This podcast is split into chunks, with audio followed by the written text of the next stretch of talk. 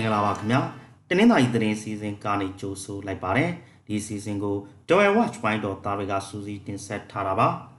ဒီကနေ့ဇန်နဝါရီလ2ရက်နေ့မှာဖြစ်ပေါ်ခဲ့တဲ့သတင်းကြောင်းရာတွေထက်ကပထမဆုံးပြောပြမှာကတော့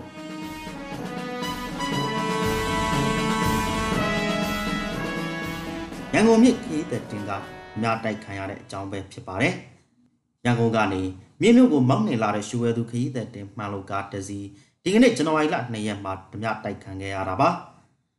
မော်ဘီနယ်ရင်းမြို့နဲ့တိုင်မစရမြို့ဂျာကကနေကမော့ရွာနီမနေ့၄နာရီလောက်မှာဓမြတိုက်ခံလိုက်ရတာပါ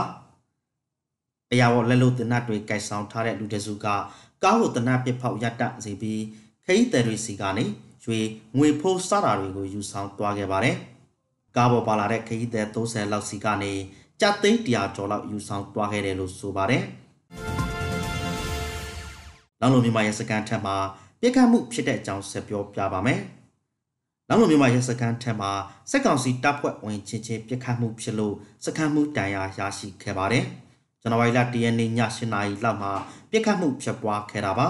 ။စက်ကောင်စီတပ်ကတပ်ကြကြီးတအူးနဲ့ရတပ်ဖွဲ့ဝင်တအူးစကားများရန်ဖြစ်ရာကနေပြစ်ခတ်မှုဖြစ်ခဲ့တာလို့ဆိုပါတယ်။အဲ့ဒီပြက်ခတ်မှုကနေ လောင်လိုရစကန်မှုရဲ့ခြေတော့ဂျီဆန်ထိမှန်ခဲ့တာကြောင့်ညတွင်ချင်းအရေးပေါ်ကားနဲ့ဆေးရုံတင်ဆောင်လိုက်ရတယ်လို့ဆိုပါတယ်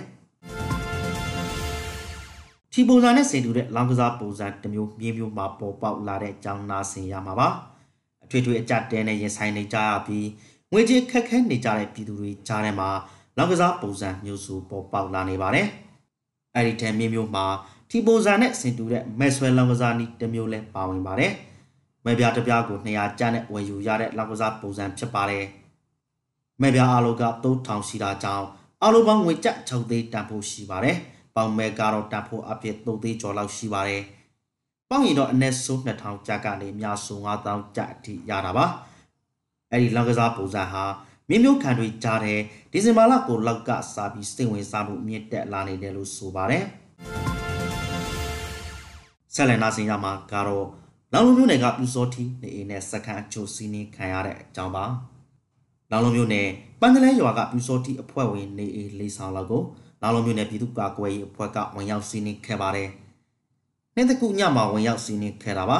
အဲ့ဒီစကန်စီးနင်းမှုကနေပြူစောတီအဖွဲ့ဝင်တွေရဲ့အချက်လက်တွေဒဝဲမျိုးချစ်တမတော် YMBA မဘာသာအဖွဲ့တွေရဲ့အချက်လက်တွေအပြင်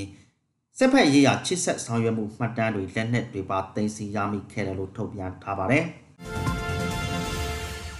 နောက်ဆုံးအနေနဲ့တိုက်ပွဲတွေကြောင့်တနင်္သာရီမြို့နယ်မှာစစ်ပေးရှောင်နေရတဲ့အကြောင်းတင်ဆက်ပေးပါမယ်။တနင်္သာရီမြို့နယ်ကဒေသခံတွေတိုက်ပွဲတွေကြောင့်အိုးအေဆွန်ခွာစစ်ပေးရှောင်နေကြရပါတယ်။ဇန်နဝါရီလ၁ရက်နေ့မနေ့ပိုင်းမှာတနင်္သာရီမြို့နယ်ဘော်ဒီကန်တတာမှာစက်ကောင်စီတပ်ဖွဲ့ဝင်တွေတိုက်ခိုက်ခံရပြီးမှစက်ကောင်စီကအနီးနားကိုစစ်ကြောင်းထုံနေပါတယ်။ဒါကြောင့်ဘော်ဒီကန် ညောင်ပင်ကွင်းစားတဲ့အနီးနားကကြေးရွာ6ရွာကဒေသခံတွေစစ်ပေးလော့ရာထွက်ပြေးနေကြရတယ်လို့ဆိုပါတယ်။အလားတူပန်လမော်မော်ရိုဘက်ကကြေးရွာအချို့ကဒေသခံတွေလည်းထွက်ပြေးနေကြရတယ်လို့ဆိုပါတယ်